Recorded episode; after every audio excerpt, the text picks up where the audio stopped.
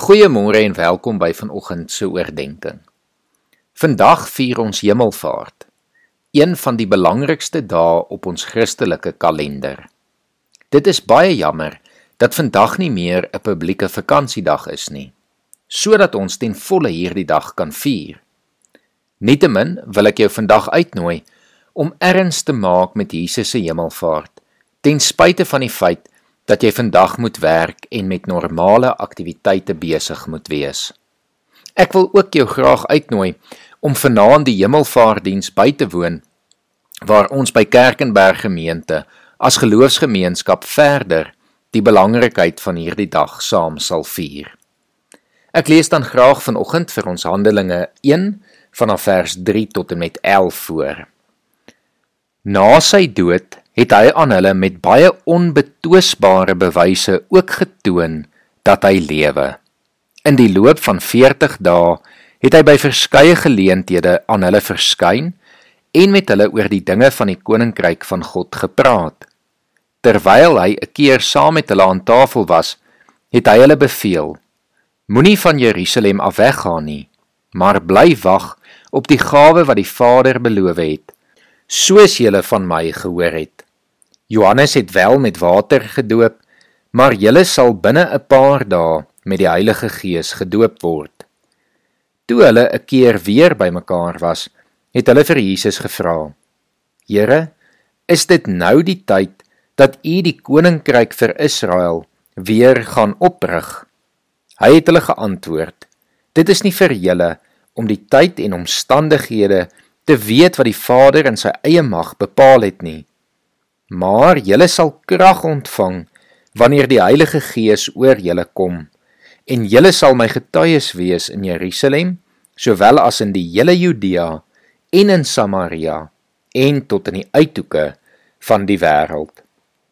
Nadat hy dit gesê het is hy opgeneem terwyl hulle dit sien en 'n wolk het hom weggeneem sodat hulle hom nie langer kon sien nie. Terwyl hy weggaan en hulle nog stip na die hemel kyk het daar skielik twee mans in wit klere by hulle gestaan. Die sê toe vir hulle: Galileërs, waarom staan julle so na die hemel en kyk? Hierdie Jesus wat van julle af na die hemel toe opgeneem is, sal net so terugkom soos julle hom na die hemel toe sien opgaan het. Toe Jesus met sy disippels oor die hemelvaart gepraat het, het hy vir hulle gesê dit is vir twee redes noodsaaklik dat hy weggaan. Die eerste is om vir elke gelowige 'n plek in die hemel gereed te maak. En die tweede is sodat die Heilige Gees uitgestort kon word en elke gelowige met krag vervul kon word sodat ons sy getuies hier op aarde kan wees. Sonder die hemelvaart sou ons dus nie die Heilige Gees ontvang het nie. Die Gees wat ons juis hier op aarde moet bystaan en leer en lei.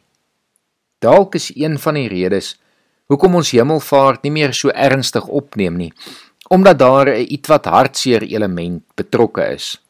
Jesus is nie meer fisies op aarde nie. Maar hierdie is eintlik 'n verkeerde verstaan van die hemelvaart. Jesus is nie weg nie, maar woon juis deur sy gees ten volle in elke gelowige. En wat 'n wonderlike voorreg is dit nie. Kom ons bid saam. Here ons dankie vir die hemelvaart en die belangrikheid van hierdie dag. Here waar U opgevaar het om vir elkeen van ons 'n plek in die hemel gereed te maak.